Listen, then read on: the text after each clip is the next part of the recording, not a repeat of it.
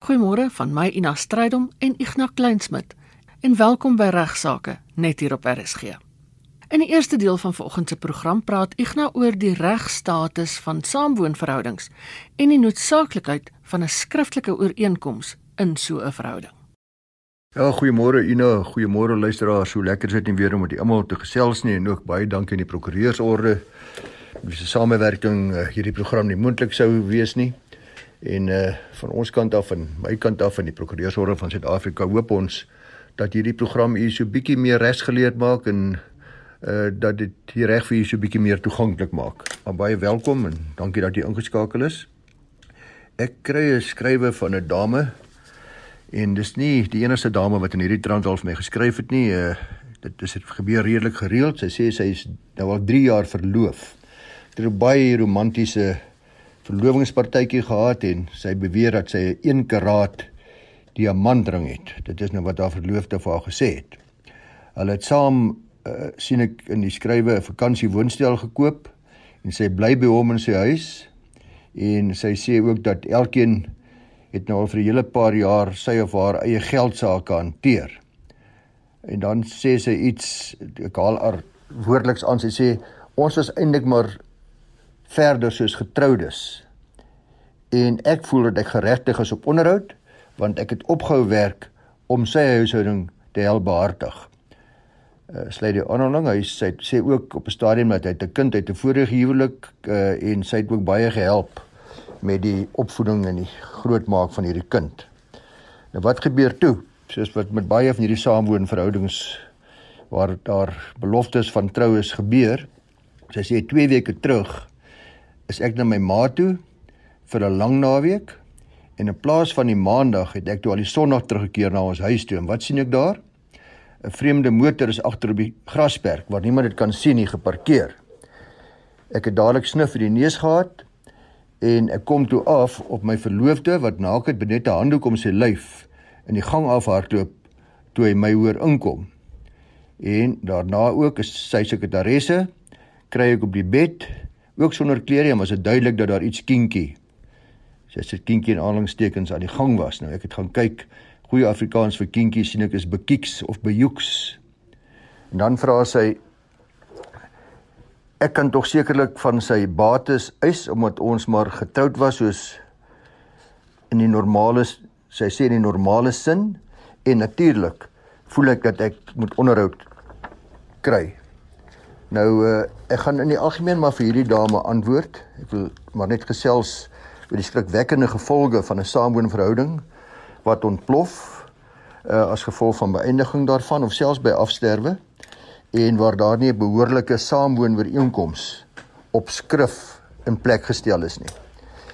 Eerstens is daar een of ander rede 'n mite van baie baie mense dat as ek baie jare lank saam met iemand bly daar later daar later outomatiese regte gevestig word. Uh en ek wil dadelik sê dit is werklik net wat dit is 'n mite, dis vals. Uh daar is nie daar bestaan nie so iets wat mense van praat as 'n common law marriage of 'n gemeenregtelike huwelik wat in stand kom as gevolg van saambly oor 'n lang tydperk nie. Uh so waar jy dink so 'n soort van huwelik in aanhalingstekens het ontstaan, so huwelik so saamwoon verhouding het geen status hoegenaamd as 'n wettige huwelik nie en waar die verhouding dan beëindig word uh of as gevolg van die verbreeking van die verhouding of by dood dan vind die partye dikwels met groot skok en verbasing uit dat hulle eintlik geen regte het nie uh teen hulle vorige lewensmaat nie. En maar kom ons kyk mooi naderby van wat al hierdie moontlike skokke is wat vir u wag of wat die moontlike regte is. Eerstens, ons kyk na die wet op instate erfopvolging. Uh sien normaalweg dat wanneer 'n persoon sonder 'n testament sterf, dan sal jou gade outomaties waar die getroudes binne gemeenskap van goed 50% van die oorlede gade se boedel erf. Nou kan jy dink waar mense nou 20 of 30 of 40 jaar saamgewoon het en jou man skielik sterwe en jy was nie wettiglik getroud nie en dan moet jy tot jou skok uitvind dat jy erf nie een enkele sent nie want ongelukkig is dit so dat sonder 'n geldige huwelik is die wet op interstate erfreg nie van toepassing nie. So baie baie belangrik luisteraars, die van u en daar's so baie mense wat hier is daar saamwoon. Maak asseblief tog seker dat as jy saamwoon dat jou saamwoonmaat jou minstens benoem het in sy testament as 'n erfgenaam. Maar die ander kant van die saak is hoe sou jy weet? Ek kan elke dag 'n Nuwe Testament maak. Ek dag vir jou testament wys wat sê dat jy erf alles en môre maak ek 'n Nuwe Testament wat sê my sekretaresse erf alles. So nie werklike sekuriteit nie.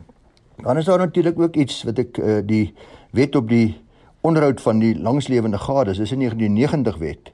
Terme van daardie wet is 'n gade en daar's so baie van u wat luister wat nog wettig getroud is, uh geregtig wanneer u eggenoot te sterwe kom dan het so gade wanneer mens nog getroud was op datum van afsterwe 'n eis teen sy of haar boedel vir onderhoud. Daar is natuurlik baie aspekte wat 'n rol speel om te bepaal of daar wel 'n onderhoudsgeregtigheid is, maar belangrik is weer eens 'n gade hierso vir eggenoot uh in so 'n saamwoonverhouding of 'n party in 'n saamwoonverhouding kan nie onderhoud eis van die boedel of van hulle lewende voormalige saamwoonmaat nie. Die wet vir op onderhoud van langslewende gades maak nie voorsiening vir enige onderhoud uh deur iemand in 'n saamwoon verhouding nie. Dan het mens ook iets uh, hulle noem dit die Civil Union Act, die siviele verbintenisse wet. Dis 'n 2006 wet. Uh en daar in daardie wet is daar geselle geslag huwelike gewettig. Nou dit laat twee mense van uh afgesien van geslag toe om of 'n normale huwelik of 'n siviele vennootskap aan te gaan. Uh dit kan selfe geslag wees, dit kan teenoorgestelde geslag uh maats wees, maar sulke mense het dieselfde regte, verantwoordelikhede en daar's dieselfde gevolge as by gewone huwelike, maar baie belangrik, dan moet daar natuurlik in al die formaliteite wat in die wet uitgespel word, voldoen wees. En die gewone saamwoonverhouding wat hierdie luisteraar vir my beskryf, voldoen beslis nie aan die verbintenis wat gevorm word in terme van die wet op siviele verbintenisse nie. Nou luisteraars, daar's ook 'n addisionele regskonsep, regsbeginsel wat 'n rol mag speel in die lewe van ongetroude saamwoonmaats. Ons praat van die sogenaamde universele vennootskap en dit gebeur natuurlik net wanneer daar aan die volgende vereistes voldoen is. Slegs dan sal daar 'n universele vennootskap tot stand kom waarvan mense kan sê dat jy dan 'n deel van die gesamentlike bates van die partye wat oor 'n tydperk van saamwoon bymekaar gemaak is kan eis. Maar jy moet om te begin is hierdie bewyslas regtig baie moeilik en baie min gevalle in Suid-Afrika waar dit wel bewys kon word. Alhoewel daar al baie lank saamgewoon was, eerstens moet elkeen van die sogenaamde vennote in hierdie universele vennootskap moet iets in die vennootskap inbring. Of dit nou uh geld is of arbeid is of sekere kennis is daar moet iets wees wat jy albei inbring. En baie belangrik hierdie vennootskapsbesigheid word dan gevoer vir die gesamentlike voordeel van beide partye. Aan die ander wyse ons besluit saam, ons gaan dit saam bly en uh, dis die rede hoekom ons gaan saam bly en ons gaan hierdie vennootskap van ons van saamwoon gaan ons doen tot ons gesamentlike voordeel en nou die laaste vereiste wat baie moeilik bewysbaar is, dan moet ook 'n doel wees om saam wins te maak. Nou ons luisteraar het duidelik vir my in die briefie gesê dat elkeen in sy eie geld sake gehanteer, dat dit wel 'n woonstel saam gehad, uh maar sy gratis in die huis gebly, maar duidelik is hierdie glad nie die voorbeeld van van 'n uh, universele vennootskap nie. Uh en en soos ek weer sê, is dit regtig baie moeilik om dit te bewys. Kom ons kom nou by haar verloving uit. Sy sê hulle is al 3 jaar verloof en hulle sou getrou het. Nou wat is die regstatus van 'n verloving? Is dit 'n bindende kontrak? Uh dit is beslis 'n bindende kontrak want dit is daar was 'n ernstige voorneme van albei partye uh waar hulle mekaar beloof of onderneem dat hulle gaan trou. Soos 'n ooreenkoms in in kort om mettertyd te trou. Uh natuurlik moes hulle albei die kapasiteit gehad het, die, die handelingsbevoegdheid gehad het. Hulle moes dus 18 jaar of ouer gewees het, maar ek kan maar net terloops meld dat minderjariges mag ook verloof raak met die toestemming van hulle voogde. Maar nou gaan dinge nou loop dinge skeef. Uh nou kom ek af soos ons arme luisteraar uh op my verloofde wat nie aan my getrou is nie en is sekerlik genoeg rede om hierdie verloving dadelik te verbreek soos wat sy waarskynlik gedoen het uh, of die brief blyk dit duidelik dat sy nie voortgaan met die verloving nie. Uh en nou is die vraag wat nou? Kan ek nou eerstens kan so 'n party die ander verlovingsparty verplig om die ooreenkoms na te kom. Met ander woorde, ons het mekaar beloof of onderneem dat ons gaan trou. Kan ek jou nou forceer? Die antwoord natuurlik is nee. Uh daar's geen regsgronde uh in terme van die verlovingskontrak wat dit moontlik maak aan ons howe om die ander party te verplig om dan nou met jou te trou nie. Is daar enige ander gevolge, regsgevolge vir so 'n verbreekte verloving natuurlik? Uh eerstens hang dit af wie die verloving verbreek of wie se skuld die verbreeking van die verloving is. In hierdie geval is dit baie duidelik as jou verloofde die die verloofde die verloving uh verbreek, jou afsê sonder 'n goeie rede of waar jy die verloving verbreek met 'n baie goeie rede, soos in ons luisteraar se geval, dan is daar wel moontlikheid van monetêre skadevergoeding. Jy kan geld eis vir kontrakbreek, maar dis nou baie belangrik. Dis eintlik 'n baie beperkte eis. Ons daar's talle hofsaake oor die laaste paar jaar hieroor gewees, maar die uiteinde daarvan is dat jou eis is dan beperk tot jou werklike uitgawes vir die beplanning en voorbereiding van jou huwelik. Byvoorbeeld jy het al klaar die saal gehuur, jy het jou trourok gemaak, jy het klaar dit gedoen en dat gedoen. Jy verloor geld omdat die persoon uh wat die trourok gemaak het al halfpad is ensovoorts ensovoorts. So ja, in hierdie geval van ons luisteraar lyk dit nie vir my waar sulke skade is nie, maar sy praat tog glad nie in haar uh skrywe van 'n troudatum of enige voorbereidings vir die huwelik nie. Uh hulle is nou al 3 jaar wat hulle maar net saam bly terwyl hulle dan nou komstig gaan trou. Nou luisteraars, as ons kyk na die sogenaamde saamwerk oor inkomste, die oplossing, dan is die oplossing natuurlik. Partye moet 'n saamwoningsooreenkoms aangaan. Ek het dit al talle male op hierdie program gesê, ek kan dit nie sterk genoeg beklemtoon nie. En as mense gaan saam bly sonder om te doen, dan het ek vir hulle baie slegte nuus en dit is alles wat ek nou gesê het op hulle van toepassing. Maar mens kan hierdie saamwoon ooreenkoms behoorlik reguleer en formaliseer. Jy kan al jou finansiële reëlings met mekaar op skrif stel en verskeie ander aspekte van jou verhouding kan dan so saamwoon ooreenkoms of 'n cohabitation agreement vervat word. In my boek wat sê die prokureur het ek ook 'n hoofstuk daaraan gewy en ook 'n voorbeeld van so saamwoon ooreenkoms uh, is in die boek gegee, maar u prokureur waar hy ook nogal is as hy 'n saamwoonbeinkomste is gaan sien u prokureur en wees maar gewaarsku. As jou saamwoonmaat nie so ooreenkoms wil aangaan nie, dan uh, moet u mekaar voortloop. Dan by die rooi ligte aangaan, dan lyk die maagd bietjie verwagtend, dan is daar iets fout. Daar's 'n slang in die gras. Uh so saamwoon ooreenkoms sal allerlei goeders reël, soos byvoorbeeld ook dit wat jy saam aangekoop het. Uh in hierdie geval het ons luisteraar gepraat van hulle same woonstel aangekoop. Nou dis redelik maklik.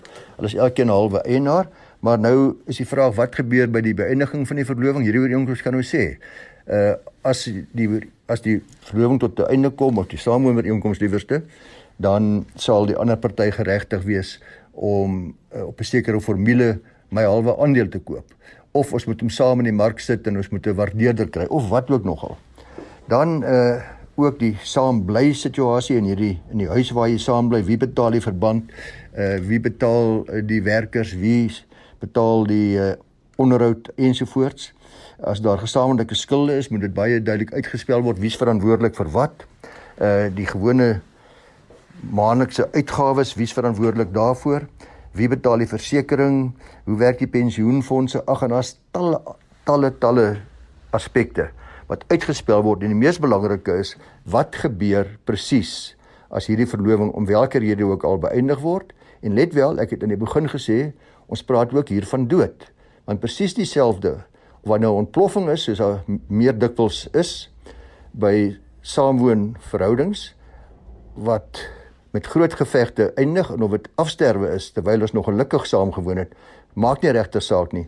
Die gevolge ja nadelige gevolge vir albei partye is presies dieselfde as daardie behoorlike saamwoonvereenkomste is wat al die finansiële verhoudinge tussen die twee partye behoorlik reguleer nie.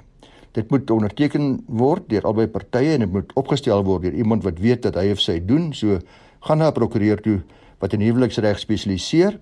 Jy maak seker dat jy kry presies wat jy dink billik is by beëindiging van daardie ooreenkoms. En soos ek weer gesê het, 'n goed opgestelde saamwoon of cohabitation agreement agreement uh kan vir baie saamwoonpaartjies groot groot hartseer en duur uitgerekte litigasie vermy. Ek nou bespreek nou die appeluitspraak in die sogenaamde Kolini saak en die belangrikheid van betroubare getuies. Ja, en ek het dit so gepreek en gewaarsku vir almal teen 'n saamwoonverhouding te loop so as geen getuies natuurlik nodig vir so by die ondertekening van so saamwoonooreenkomste nie. Nou vra 'n vriend my onlangs uh hy vra nou hoeveel getuies is nodig om 'n moordsaak te bewys. Ek het 'n bietjie gedink te sê ek wel soms net omstandigheidsgetuienis, maar die meeste gevalle daarom uh, minstens een getuie. Hy sê ja, hoeveel getuies is nodig wanneer 'n mens by die registrasie van 'n huwelik kom, daar waar mense nou trou die dag. Dis ek wel normaalweg 2. Toe vra hy vir hom, besluit jy maar self. Wat is die gevaarlikste van die twee? Maar bietjie in ligter lyn luisteraars, ek wil graag vandag met die saak bespreek wat baie aftrek gekry het ook in die media. Dit dit hy mense het gesê dit was bietjie van 'n heksejag en dit was uiteindelik in die appelhof 'n uh, redelike mooi oorwinning gewees vir advokaat Barry Roo die advokaat wat ons almal leer ken het met die Oscar Pistorius verhoor. Uh net 'n baie kort geskiedenis van hierdie betrokke saak. Ons praat almal praat maar van die Kolini saak. Dit het plaasgevind uh, die voorval op 20 April 2017 na Rietvlei Kolini. Die staat het gesê dat die beskuldigdes het die oorledene aangerand en van 'n bewegende voertuig gegooi en uiteindelik as gevolg van al hulle handelinge het hy tot sterwe gekom. En die beskuldigdes het onskuldig gepleit uh, op al die aanklagtes en hulle weergawe van die gebeure was dat hulle twee seuns gesien het wat sonneblomme steel. Uh beide hierdie seuns het weggehardloop nadat hulle betrap was. Maar die oorledene het wel na die beskuldigdes toe geloop nadat beskuldigde nommer 1 is nou in Dodewaard om nader geroep het. Die oorledene het onderneem om die beskuldigdes na die ander seun te vat. Uh en hulle het hom toe agter op die voertuig gelaai sodat hulle kan gewys waar die ander uh dief is of beweerde dief is en so het hulle met hom gery. Op 'n stadium met die tweede beskuldigde ene skutte gesien dat die seun van die bewegende voertuig afgespring het. Hulle het toe dadelik gestop. Hulle het twee voetgangers gevra om by hierdie seun te bly sodat hulle kon hulp gaan soek en hulle dadelik van daar af na die polisiestasie toe gery om 'n ambulans te gaan kry aangesien die een in besit was van die noodnommers om die ambulans te kon bel nie. Uh die enigste ooggetuie vir die staat was 'n meneer Bonakele Pakisi. Hy het aangevoer dat hy was besig om na sy huis toe te loop met 'n pak bier in die hand. Toe het hy 'n skoot gehoor. Hy het gesien 'n beskryf nommer 2 uit die Middelland kom en op 'n 'n 'n motorfiets, hierdie vierwiel motorfiets na 'n bakkie ry waar meneer Dode waar eh, die beskryf nommer 1 met met 'n ander seun staan. Beskryf nommer 2 het op die bakkie geklim saam met die seun en nadat die voertuig begin beweeg het, het hy gesien beskryf nommer 2 die die seun van die bakkie af stamp of gooi. Volgens die ooggetuie is die seun toe weer opgestel, opgetel, na hy afgeval het en toe weer 'n keer van die bakkie gestamp. Nou ja, uh daarna het hulle hom wat Pakisie is toe nou gesien. Dis nou hierdie ooggetuie, die enigste ooggetuie. Hulle het hom toe ontvoer en aangerand en hy het beweer dat hulle hom ook gedwing om uit 'n bottel Captain Morgan te drink wat hulle in die bakkie saam met hulle gehad het.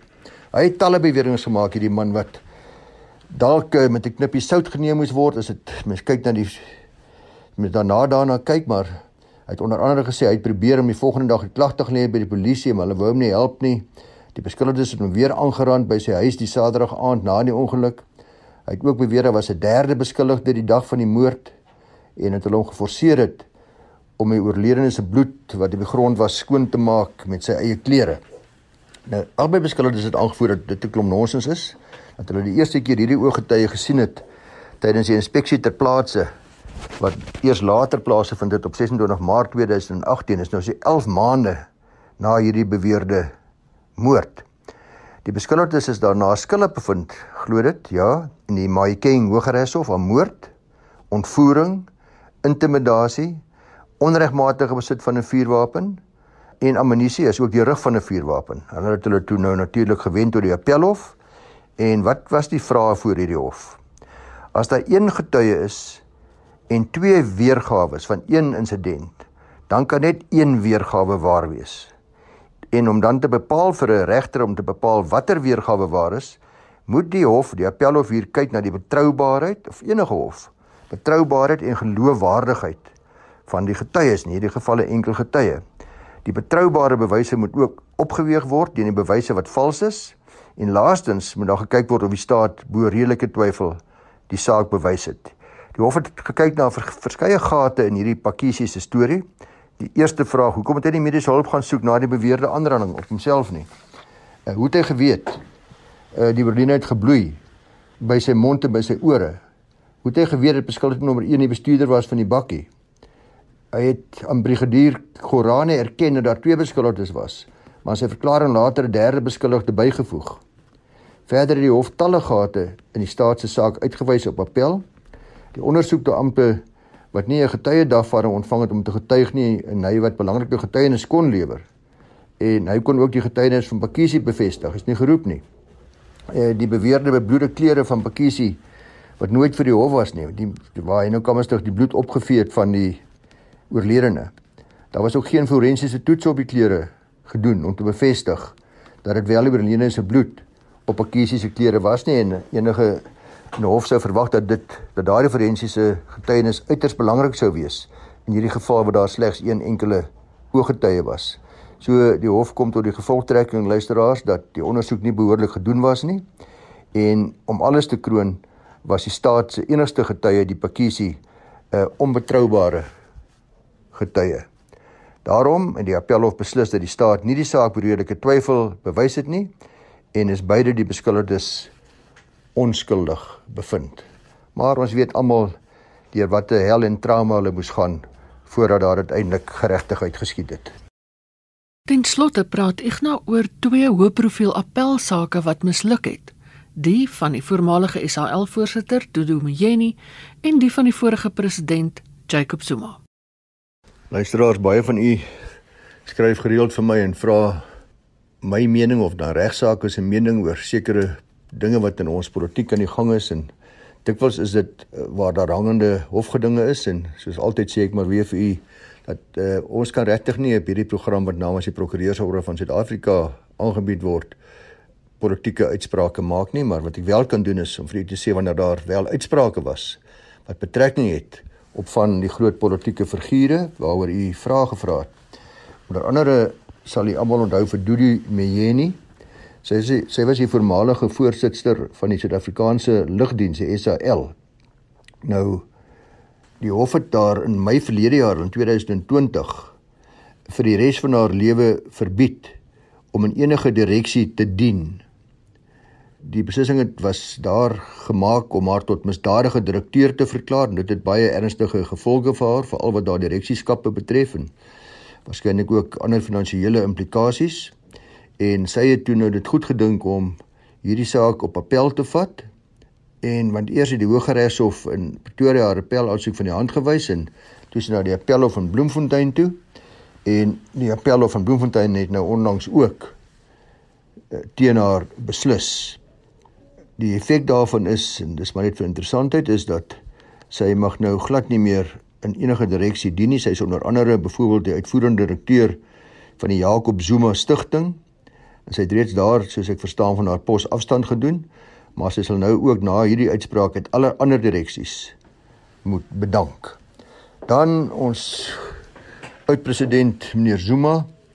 Uh hy is ook onlangs weer erg gelooi op die 13 April En op daardie dag het die hof sy appel teen 'n vroeëre beslissing van die Hooggeregs Hof in Pretoria.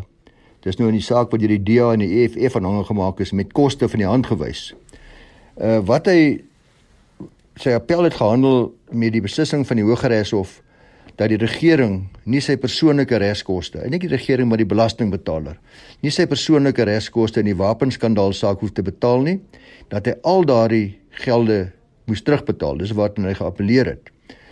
Nou in die appelhof was daar vyf appelregters en hulle het vir Zuma redelik sterk gekritiseer en uh, veral weens sy aanvalle ook op die Hooggeregshof self en op die regbank in die algemeen.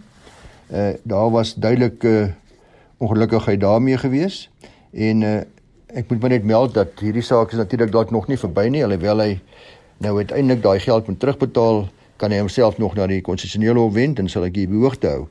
Uh terloops daar sal ongeveer 25 miljoen rand al blykbaar oor die jare heen deur ons belastingbetalers betaal uh om hom in die howe te help met sy verskillende verweere teen verskeie sake. Die uh, eenparige uitspraak wat gelewer is deur regter Ponne namens die vyf appelregters uh, het gekom eers na die DA se hersieningsaansoek in 2018 alreeds dit duidelik gemaak het dat die staat oor die jare heen al hierdie geld al uh, aan Zuma se regs gedinge bestee het. Nou die howe sê die appelhof sê wat hulle betref is die vervolging teen hom in sy persoonlike hoedanigheid ingestel en uh, die beweringe teen hom dat hy as president in daardie posisie uh gedagvaar is en alles gedoen het is nie so nie. Uh want die bewering is eintlik dat hy sy amptelike posisie misbruik het om die regering te beïnvloed om sy private belange te bevorder. Dit beweer regter, dit skryf regter Ponnen dan ook as deel van sy uitspraak. En uh, die hof maak dit baie duidelik dat daar's die regering en ons almal wat luister vandag het geen wettige belang nie. Dis nie ons saak om Zuma teen aanklagtes van korrupsie uh, te finansier nie. Uh en soos ek sê, hy is ook erg gekritiseer omdat hy uh beweringe gemaak het dat die regters van die Hooggeregs Hof meer gewig gegee het aan politieke belange. Uh die Appelhof 5 regters sê is totaal ongegrond en hulle sê ook daar's geen regsgrondslag daarvoor uh dat Zuma kan sê dat die staatsprokureur gevolg die wet op die staatsprokureurs gemagtig was om sy private regskoste te betaal nie. So meneer Zuma moet opdok. Dis dan al vir vandag. Skakel volgende maandag om 11:30 weer in op regsaake saam met my Ina Strydom en Ignas Kleinsmid. Tot dan, totsiens.